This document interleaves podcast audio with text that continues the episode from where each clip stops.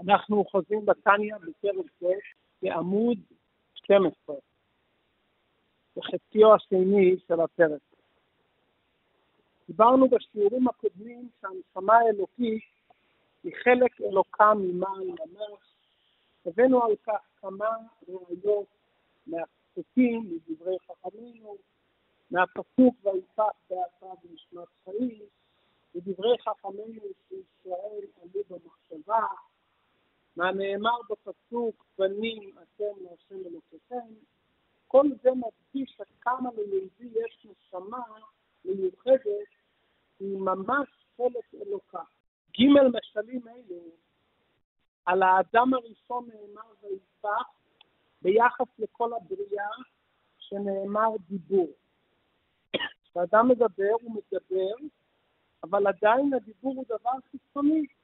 אדם צריך לנסוח מתוכו, יש כאן משהו פנימי ומהותי. הראיה השנייה שהבאנו, מזה שישראל עלו במחשבה. עולם הדיבור ועולם המחשבה, עולם הדיבור הוא עולם שמתקשר בין אדם לחברו, אבל כולנו יודעים שיש מושג של אחד בפה ואחד בלב. כלומר, האדם יכול לדבר דברים ולומר אותם, אבל בעצם ליבו אימו הוא לא נמצא בתוך הדברים. לעומת זאת מחשבה, במחשבה האדם בעצמו נמצא. האדם יכול לחשוב דברים שונים ומשונים, שיעור יהיה לזכות, נועם, רק עונג. רפואה שלמה.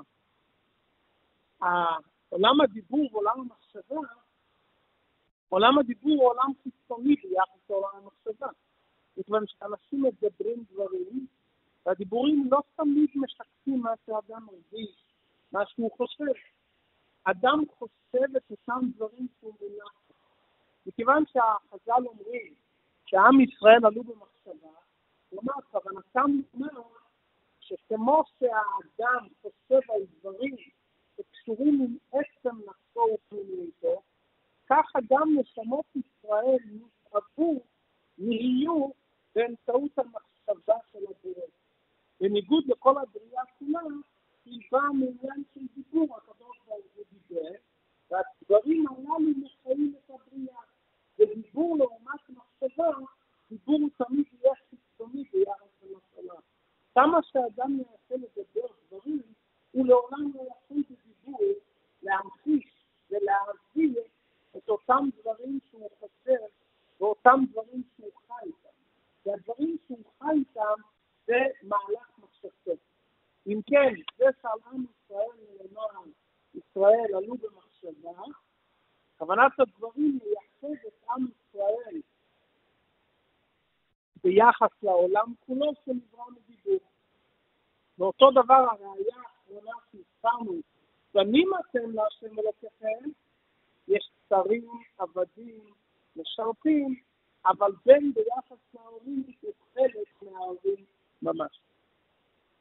לאחר מכן שאלנו, אם כך, וכל נשמות ישראל בעצם חלק מהקדוש ברוך הוא ממש, ביחס לכל הנבראים, כולל המלאכים העליונים, מהיכן נובע בנשמות ישראל חילוקי מדרגות מנשמות של צדיקים, כמו האבות ומשה רבינו, שהיו נשמות מעולם עליון וגבוה מאוד, עולם האצילות, ונשמות פחותות שהיו במשך כל הדורות כולם, כולל בדורותינו אנו, שישנן נשמות נמוכות.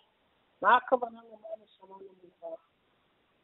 כוונת הדברים נשמה גבוהה ונשמה נמוכה זה ביכולת הקליטה לספוג עניין אלוקי. אין הכוונה נשמה גבוהה עם כישורים וזיכרונות גבוהים, נשמה, כוונת הדברים נשמה גבוהה, נשמה שעניין אלוקי מדבר אליה. לפעמים האדם הוא מוכשר מאוד, הוא יכול להבין בפיזיקה, מתמטיקה, ברפואה, אבל עניין אנושי, מדברים על דברים מעבר לראיית עין, ובוודאי מדברים על דברים שהם רוחניים, ובוודאי מדובר על דברים אנושיים, הדברים לא נתפסים בתוכו. יש אנשים שכישוריהם לאו דווקא מיוחדים, בכל זאת כל עניין אלוקי מדבר עליהם. כלומר, הם נתפסים בזה, זה מדבר עליהם, זה מחבר אותם. עניין אלוקי רוחני הם נתפסים.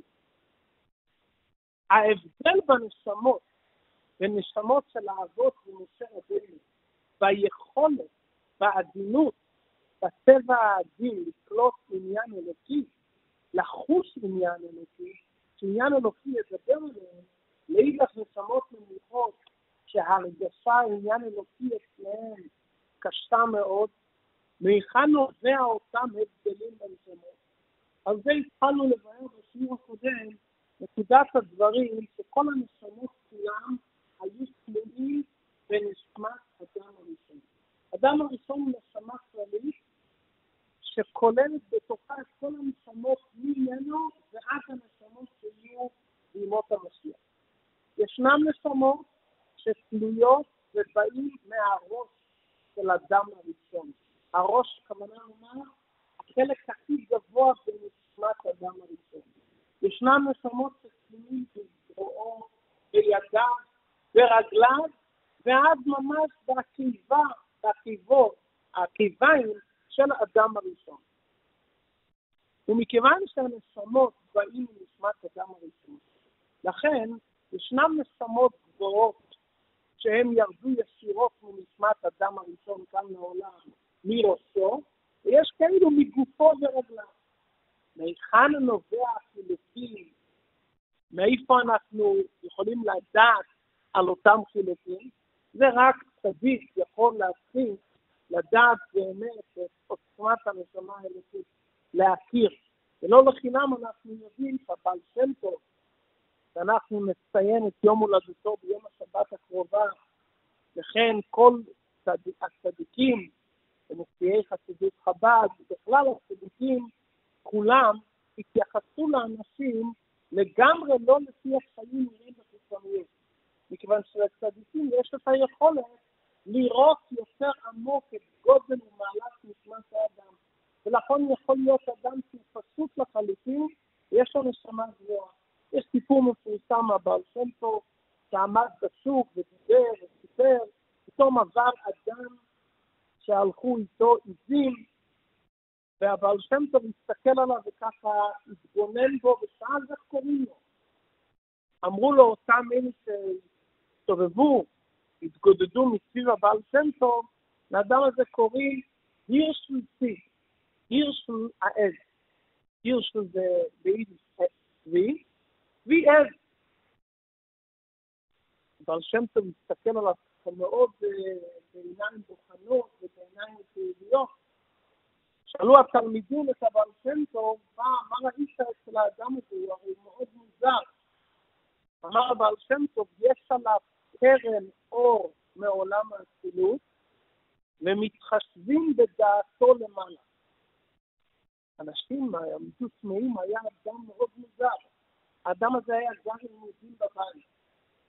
הוא היה, לא עלינו, לא מתברך בילדים, הוא היה חלבן, הוא אימץ את העניין של לחלק חלב למשפחות נצרכות וליתומים ואלמנות, והוא ואשתו מזה התפרנסו, אבל בעיקר זה היה פרנסה רוחנית.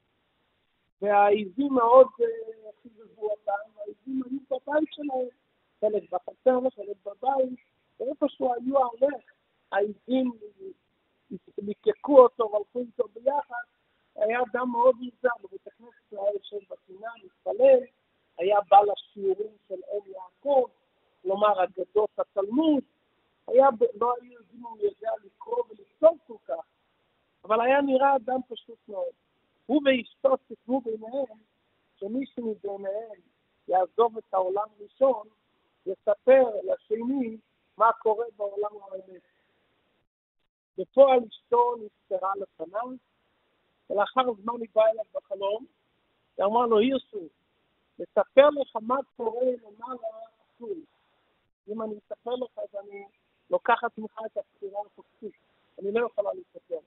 אני רק יכולה להגיד, להיות שנחלה נסיעת כך, סיכמנו, ואני אספר לך, אני יכולה להגיד לך דבר אחד, עד כמה שעשינו בחיים, כל זמן שאני הייתי, כמה שהתעסקתי בגמילות חסד, להשתדל בזה הרבה הרבה יותר ממה שעשינו.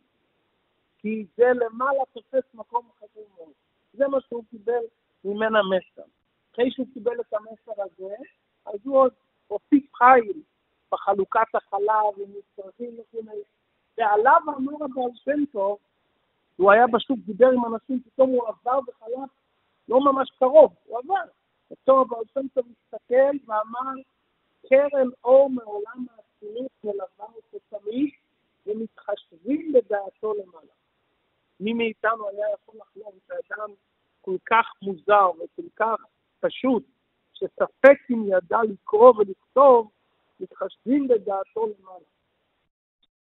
כי באמת כל הנקודה לא מסתכל על המבט החיצוני, שלשון הנביא אל תדעת אל מראי. אז לדעת ולהכיר את שורש הנשמות, בשביל זה צריך להיות נשמה מאוד גבוהה, כדי להכיר באמת בשורש הנשמה.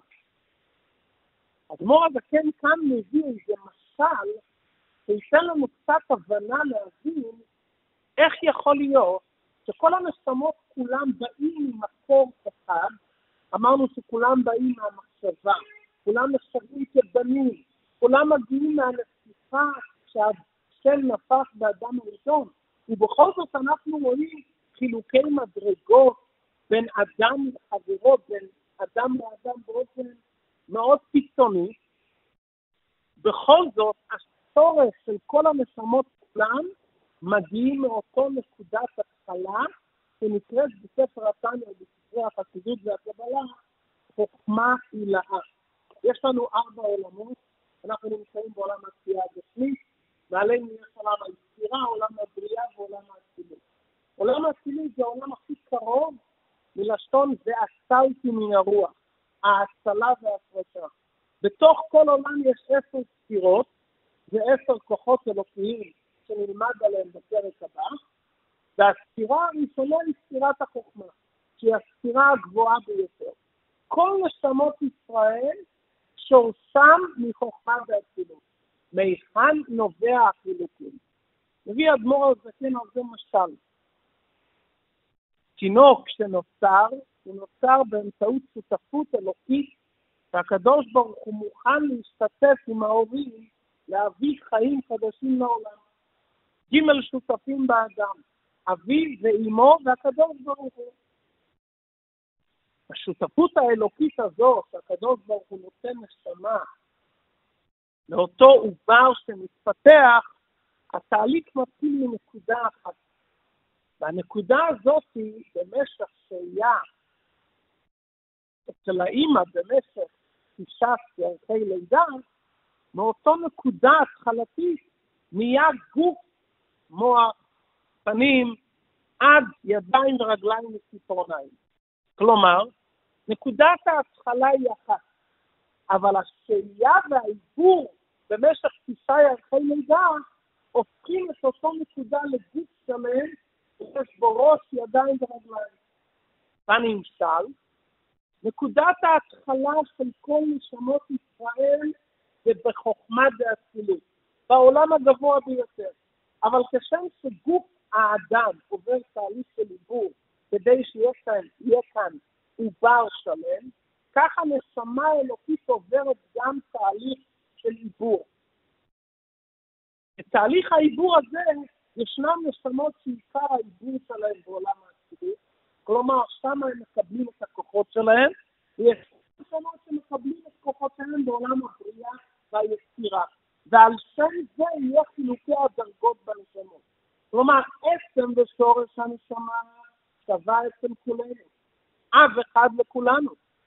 אבל הכוחות של הנשמה, זה כבר תלוי במקום הרוחני, איפה הנשמה התגברה. אפשר להביא לזה דוגמה פשוטה מימינו אלו, בפשטות. נוסעים שיירה מירושלים לצפון. כולם יוצאים מירושלים. בדרך, אחד עוצר בתחנת דלק וממלא את הדלק בתחנה בבית שמש, ואחד ממלא באזור המרכז, ואחד ממלא קרוב לאזור הצפון. כולם יצאו ממקום אחד, וכולם הגיעו לאותו מקום, אבל מהיכן הם קיבלו את הכוחות? כל אחד קיבל מאותו מקום רוחני בו הוא עצר. זה נקרא בלשון החסידות מעבר והתלבטות. כל הנשמות עברו את כל ארבעת העולמות. אצילות, בריאה, יצירה, עשייה.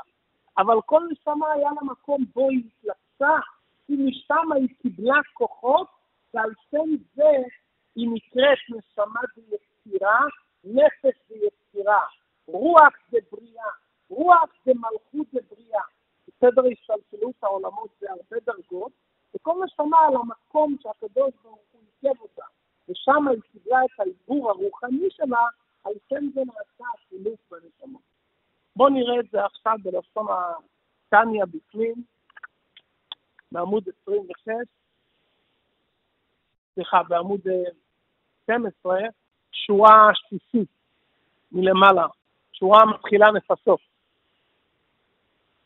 כי כל נפש כלולה מנפש רוח ונשמה. מכל מקום, שורש.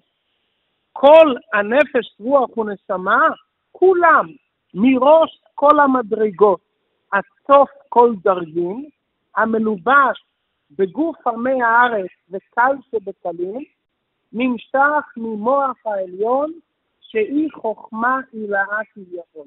כלומר, גם אלו שנמצאים באצילות, וגם אלו הנשמות של עמי הארצות, שורשם באותו מקום חוכמה עילה. משל כדי לקרב אל השכל, כמשל הבן הנמשך ממוח העל. שאפילו ציפורני רגליו נצטוו מציפה זו ממש.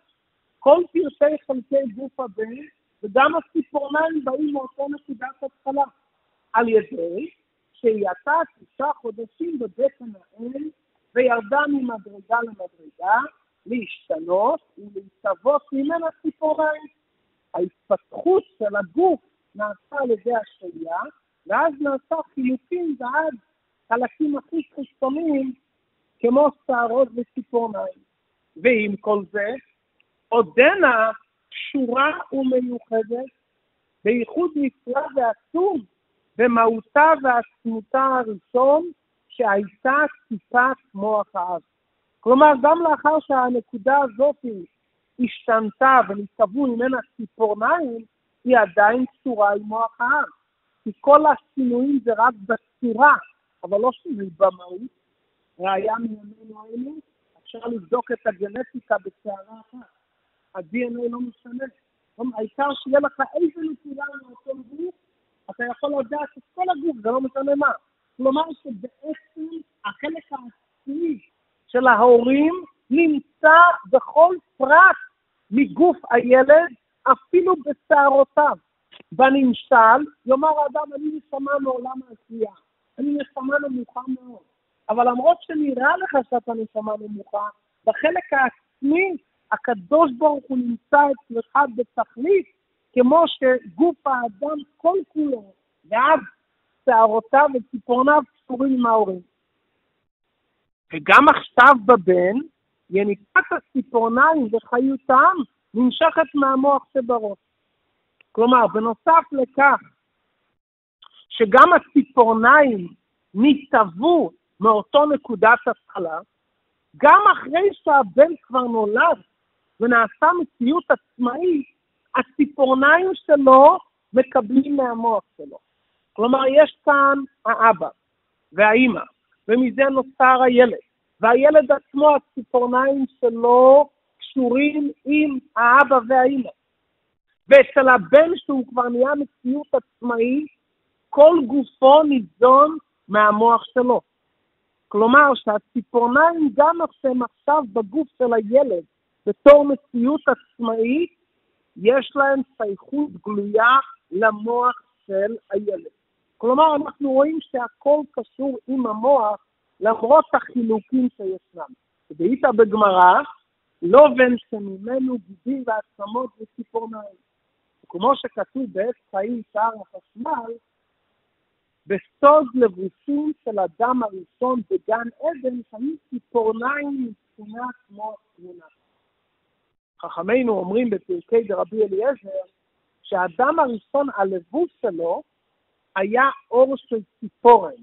כלומר, לא היה לו לבוש בהתחלה, אלא כשם שאצלנו יש ציפורניים באצבעות הידיים והרגליים. של אדם הראשון כל גופו בהתחלה היה עטוף באור של ציפורת. והציפורניים שמתהווים אצל הילד באים על פי קבלה דווקא מהמוח. זה נקרא בסוד סוף מעשה במחשבה תחילה. דווקא החלקים הכי נמוכים בגוף האדם באים מהמקום הגבוה ביותר. ואנחנו רואים שגם על פי קבלה יש שייכות בין הציפורניים למוח. מה אנחנו רוצים ללמוד מזה בנוגע אלינו? שאל יאמר האדם יש לי נשמה נמוכה, ושמא אין בי את החלק אלוקם ממש. אדרבה, מאותו נקודת התחלה של האבא מסתווה גם הציפורניים, וזה קשור אדרבה למוח התבונה של האבא. לסיכום, אנחנו רואים כאן שכל חלקי גוף האדם שורתם במוח של האבא. החילוקים נעשו על ידי העיבור. נקודה שנייה שאנחנו רואים, שלמרות השינויים בעצם הם מהות אחת, יש כאן שינויים, אבל השינויים זה רק בציור של האיברים, אבל לא במהות האיברים, כי מהות האיברים נשארה נקודה אחת עצמית שאפשר לראות את הגנטיקה של ההורים. ונקודה שלישית, שגם כשהבן נולד ונעשה מציאות עצמאית, הציפורניים שלו יונקים חיות מהמוח. כלומר, יש להם קשר גלוי למוח. בואו נראה את זה עכשיו בנמשל, את שלושת הפרטים הללו בנמשל. וככה ממש כביכול, בשורש כל הנפש רוח ונשמה, של כללות ישראל למעלה, בירידתו ממדרגה למדרגה, על ידי השתלשלות העולמות, אצילות, בריאה, יצירה, עשייה, מחוכמתו יתברך, כדכתיב כולם בחוכמה עשית, נשתוו ממנו נפש, רוח ונשמה של עמי הארץ ופחותי הארץ. כפי שהזכרנו, סדר השתלשלות העולמות ואצילות בריאה יצירה עשייה. בקצרה, ההבדל בין עולם האצילות לעולם הבריאה, עולם האצילות כפי שהזכרנו הוא עולם שאין בו אפילו מלאכים. עולם שיש בו רק נאצלים נשמות גבוהות ביותר. המעבר בין אצילות לעולם הבריאה הוא מעבר חד מאוד. עד כדי כך שעולם הבריאה ביחס לעולם האצילות יש פסח המבדיל ביניהם. כי בעולם הבריאה יש כבר חומר פשוט יש כבר מלאכים שנבראו גופותיהם מאש ורוח, לא כאש ורוח שלנו, אבל עושה מלאכיו רוחות משרתיו אש לא אש. למטה יותר זה עולם היצירה, שזה כבר עולם שהחומר הפשוט מקבל ציור, לא רק חומר התחלתי, ועד עולם העשייה שהוא העולם שלנו, כמה הדבר גמור לחלוטין. השורש של כל נשמות ישראל, כפי שהזכרנו, חוכמה ואצילות. החילוקים בנשמות, תלוי איפה הנשמה שעתה. ועם כל זה, למרות שנשמה הגיעה לעולם העשייה ממש, עודנה קשורות ומיוחדות, בייחוד נפלא ועצום במהותן ועצמותן הראשון, שהיא המשכת חוכמה הילאה. למרות כל הירידות וכל ההבדלים, כל יהודי יש לו את אותו נקודת התחלה. איפה אנחנו רואים את זה בפועל? שברגע האמת כל יהודי מוסר את נפשו על קדושת שמו יתברך. אדם שהחשיב את עצמו, והחשיבו אותו כקל שבקלים, כעם הארץ, ברגע האמת שאומרים לו תקפור ותשכבה לפסל, באותו רגע הוא אומר לא, אני יהודי ואני לא מוכן. ונשאלת השאלה הרי אותו אדם כל ימיו חי בעולם אחר לחלוטין. מהיכן נובע אצלו פתאום הרצון אני יהודי ולא מוכן להיפרד מהשם אלוקי ישראל? זה מתגלה באותו רגע החוכמה והאצילות שנמצאת בתוכו. זה נמצא אצלו תמיד. אלא מה? שבדברים אחרים הוא לא מרגיש שהוא נפרד מהשם. הרוח סוד והשכחה אומרת לו, אתה יכול לעשות את זה, אתה לא נפרד מהשם. אבל ברגע האמת, פתאום כשהוא קולט במעשה הזה הוא כן ייפרד מאופן, הוא אומר, לא, אני לא מוכן. זאת אומרת, מתגלה אצלו השורש הראשון בחוכמה ואצילות. כי מצד הדרגה של נפש בנפש ועשייה, ראית איך הוא מתנהג כל ימיו? הוא מונח בעולם אחר לחלוטין. למרות שיש לו את החוכמה והאצילות, אבל מכיוון שהנשמה שלו הייתה בעיבור וקיבלה את הכוחות העיקריים בנפש במלכות העשייה, כלומר בעולם הנמוך בדרגה האחרונה, לכן היכולת של לפתח תפיסות אלוקיות נמוכות ביום יום. אבל ברגע האמת שדחקת אותו לפינה, פתאום הוא אומר, אני בוחר בהשם לחלקי לגורלי. וכל יהודי באשר הוא, אם תאמר לו, אני אקח ממך את השם יהודי, ואתה מתנתק מעם ישראל, באותו רגע הוא אומר לא, עד כאן. הוא מוכן להתווכח איתך אם הוא מתנתק או לא מתנתק. אבל אם אתה אומר לו שאתה מתנתק והוא מודע לנפש, הוא לא מוכן להתנתק. אצל אחד זה לא להסתחוות לפסל, אצל אחד זה לא לאכול חמש בפסח, אצל אחד זה לנוי את בנו, אצל כל אחד יש איזו נקודת אמת, הוא אומר, על זה אני לא מוכן לוותר. כי הוא מרגיש שאם הוא יוותר על זה, הוא מאבד את הזהות שלו בתור יהודי. באותו רגע מאיר אצלו חוכמה והאצילות שהייתה אצלו תמיד. כי, נשאלת השאלה, וכאן אנחנו מגיעים לדבר עיקרי מאוד. אם האדם הזה הוא רק בבחינת נפש ועשייה, והנשמה שלו היא רק מהכיביים וציפורניים, איך פתאום מתעוררת לו אותה נקודת אמת? ואיך הוא קשור להשם? מי זה המוח שלו שממנו הוא חי? אותן נשמות גבוהות שישנם בדור, שזה הצדיקים האמיתיים שנמצאים באותו דור, שהם בפירוש בבחינה ראש ומוח, העיבור שלהם לא היה בעולם העשייה ולא בעולם היצירה, העיבור שלהם היה בעולם החינוך, והם עברו מהר את העולמות בריאה, יצירה, עשייה, אבל העיבור והמזון הרוחני שלהם מעולם החינוך, שהם נקראים לשמות הצדיקים שהשם סוטל בכל דור, הם בבחינת. ואותו יהודי פשוט, שזה אנחנו באופן כללי, קשורים עם אותו נשמה של הצדיק שנמצאת באותו דור, על ידי זה אנחנו יונקים חיות ותחושה אלוקית מאותו נשמת הצדיק שנמצאת בדור. כלומר, אדמו"ר השם אומר לנו כאן דבר מאוד חשוב בעבודת השם.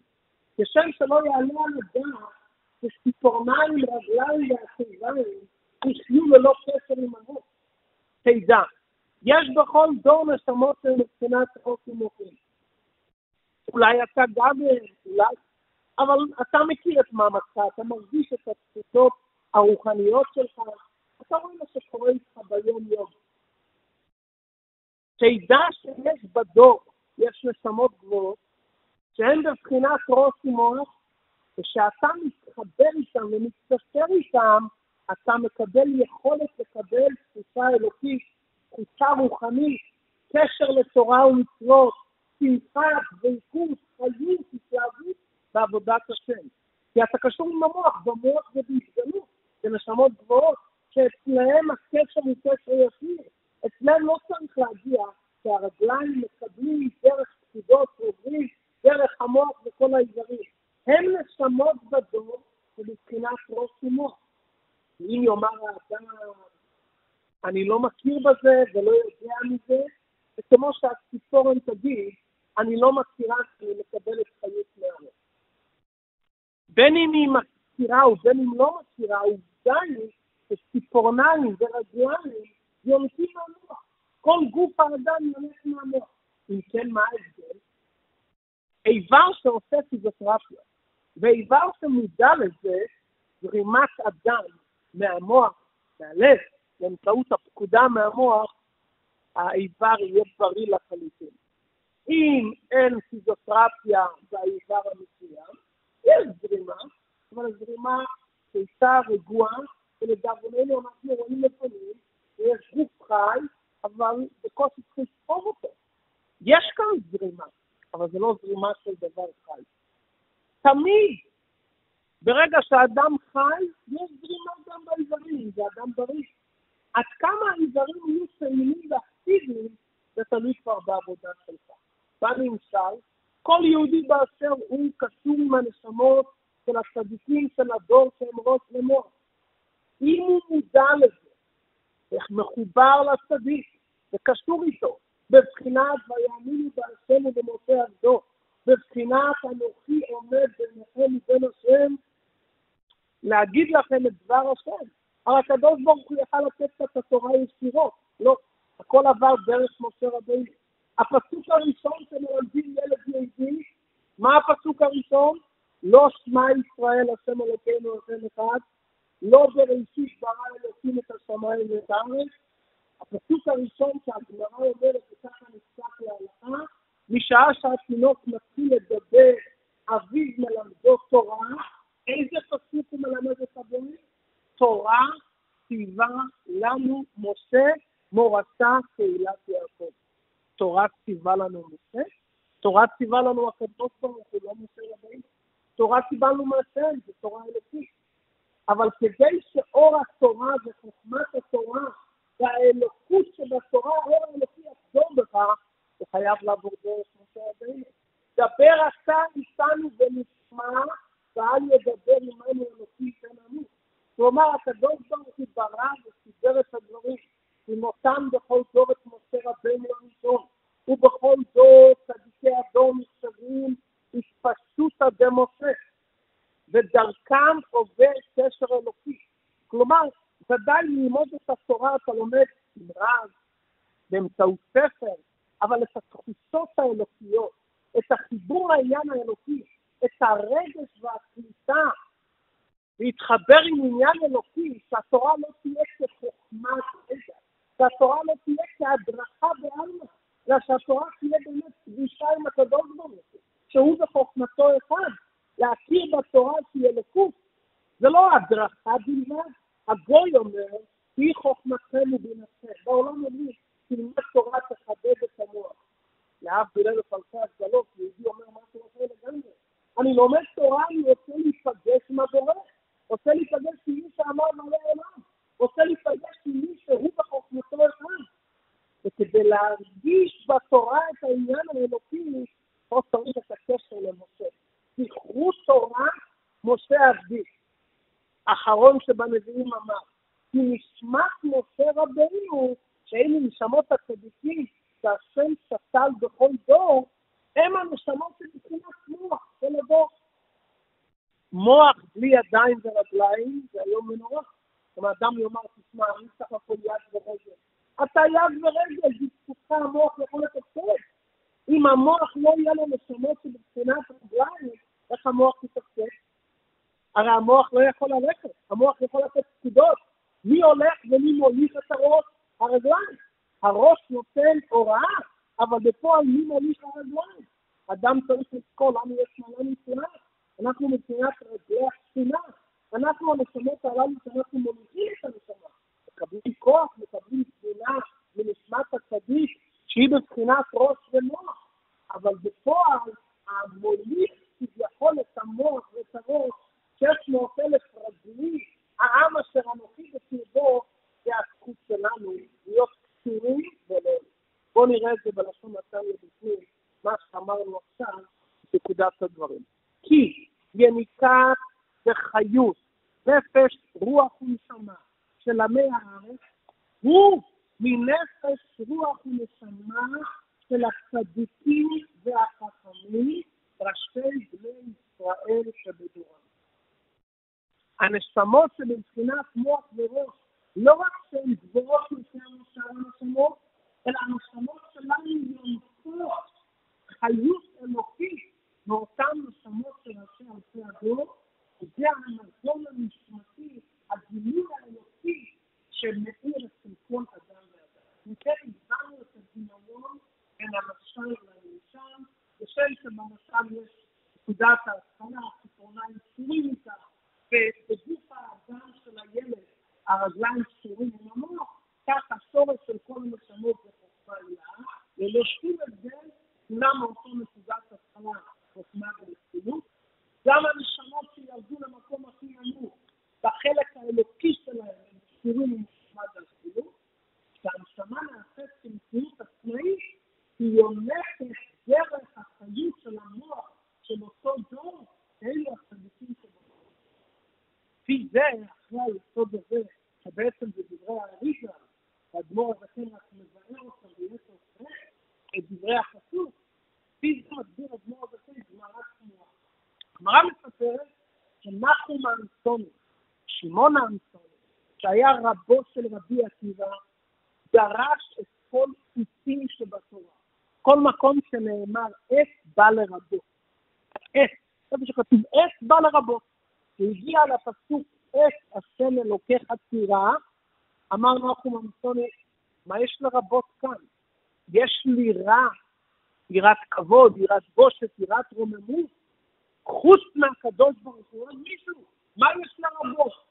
הלך וחזר לאחוריו ואמר, אין לי מה לומר, לא יודע מה לעשות פה, למה כתוב עת השם אלוקיך תירא?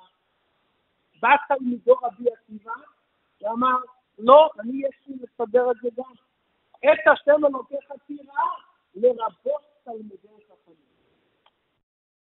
רבי עקיבא, שזכה להגיע ליראת שמיים דרך תלמידי חכמים, הבין שכוונת התורה כן, השם אלוקיך תירא דרך התלמיד חכם, תראה הנשמה שלו, תראה את הפעולות שלו, תראה את סדר ההליכה שלו, ותראה את המקום הרוחני שהוא נמצא, תן לו אתה תבין מה זה נקרא יראת שמיים. כדברי משה רבינו בפרשת עקב, אתה השם אלוקיך, מה השם אלוקיך שואל לימד כאילו ליראה?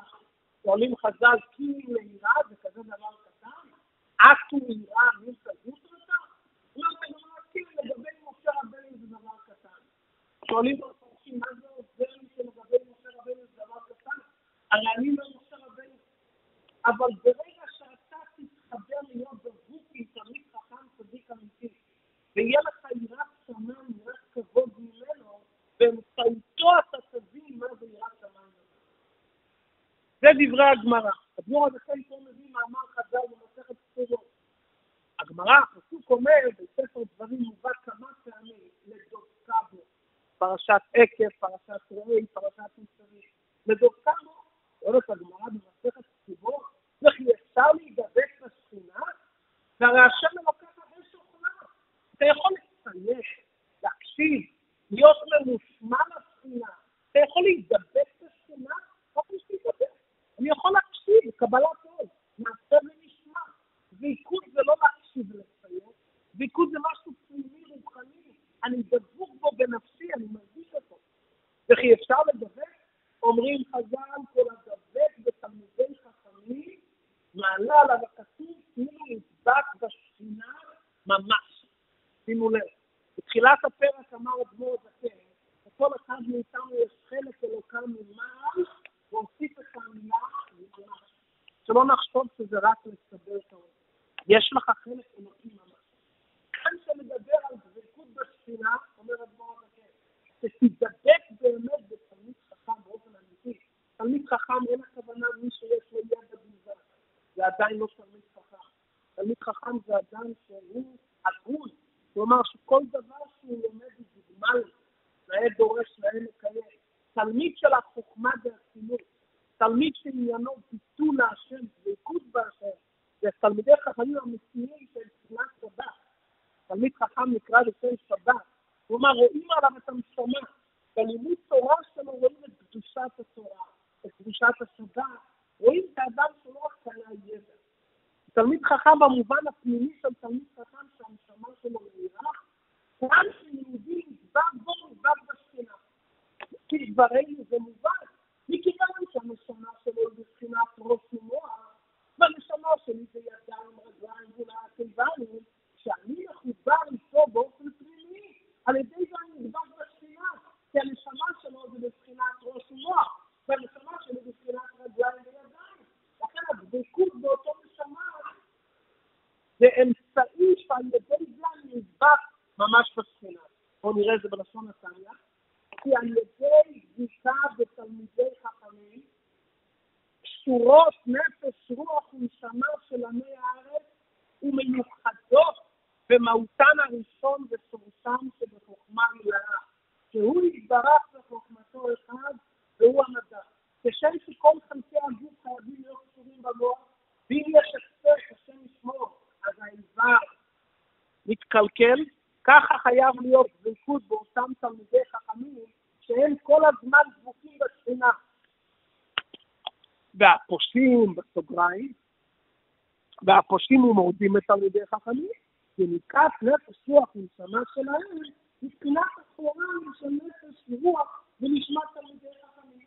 גם איבר שלא נשמע לראש באופן פנימי, הוא יורד מהראש, אבל בתחילת החוריים, אם תעשיתי בפרט יביא תמות ותעמוד פנים בפנים נשמת הצדיק והתלמיד חכם, זהו עומק העניין שחסידים קשורים לעם, כל המושג של התקשרות לצדיק, שהתחיל בעיקר בתקופת הבעל שם טוב, שאנחנו נציין את יום הראשון בשבת, ועל ידי זה הנשמה ככה יונקת מנשמת הצדיק. ועל זה הם עושים ומורדים שהם לא יודעים את זה, עדיין הם יונקים את זה, רק יונקים את זה מבחינה אחורית.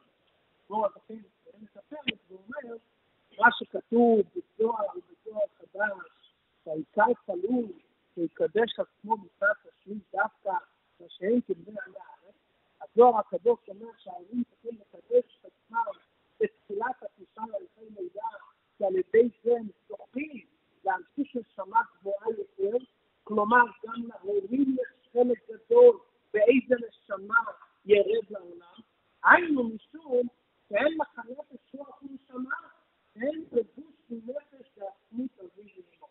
בכל המצוות שעושה, הכל על ידי אותו הלבוש. ואפילו השפע שנותנים מן השמיים, הכל על ידי לבוש זה. ואם יקדש את עצמו, ימשיך לבוש קדוש לנשמת בנו. ואפילו נשמה גדולה צריכה לקידוש אביו. אבל הנשמה עצמה, הנה לפעמים נשמת אדם גבוה לאין קץ, בא להיות בנו של אדם מזה ושפל, משפטיו מעריך על כל זה, בדברי תורה, פרשת וירא, ובטעמי יצרות פרשת וירא. כלומר, ודאי שגם להורים יש חלק גדול, כי הכוח של הנשמה להתגלות בעולם צריכה לבוש. הלבוש הרוחני, המעטפת הרוחנית של אותו נשמה, קשורה בהתנהגות של ההורים במשך תשעה ירחי לידה, שהם מתנהגים בצניעות וכולי, על ידי זה הם גורמים שאותו נשמה שתרד לעולם, יהיה לה יכולת להעיר בעולם ביתר שאת. התנ"ך. כל יהודי באשר הוא יש לו נשמה חלק אלוקה, אימה אמנה, אולי איזה דרגה בנשמה, כולם קשורים עם המוח, שזה נשמות של משה רבינו בעבור, זה נובע התפסרות לתלמידים ותלמידי חכמים, על ידי זה יש גילוי אלוקות בכל נשמה ונשמה, כי בעצם כל נשמה היא חלק אלוקה